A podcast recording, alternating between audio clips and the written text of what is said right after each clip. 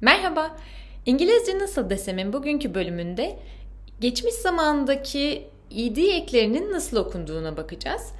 Ee, bu üç tane bunun farklı okunuşu var fiillere geldiğinde. Yani wash fiiline gelen ed ekiyle want kelimesine gelen ed ekinin okunuşu aynı olmuyor.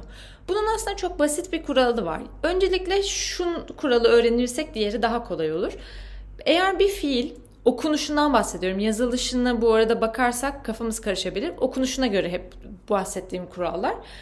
Bir fiilin sonu T ve D ile bitiyorsa yani mesela T veya D sesiyle bitiyorsa o zaman bunların sonuna id ekini getiriyoruz.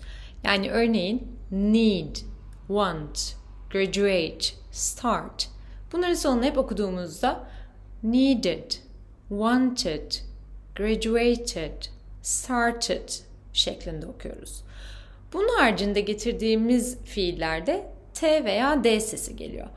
T sesi aslında Türkçedeki ünsüz benzeşmesi kuralıyla aynı mantıktan geliyor.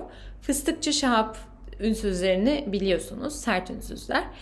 İngilizce'de de aynı şekilde bu sessizlerin sonuna getirdiğimiz id eklerini T sesiyle okuyoruz.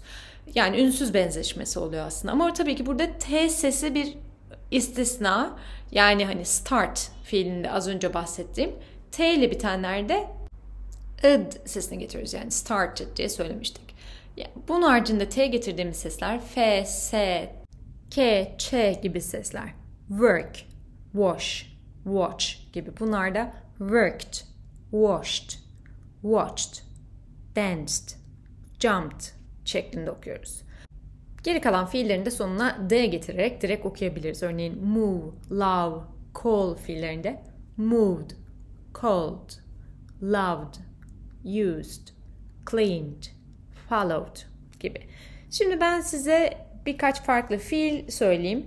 Arada 3 saniye bir boşluk bırakacağım. Siz bu fiille sonuna id eki gelse doğru şekilde nasıl okursunuz? Kendiniz bir okuyun.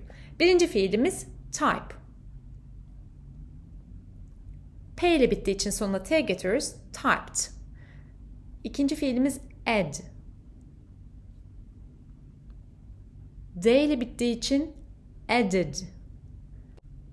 Üçüncü fiilimiz interrupt. T ile bittiği için interrupted.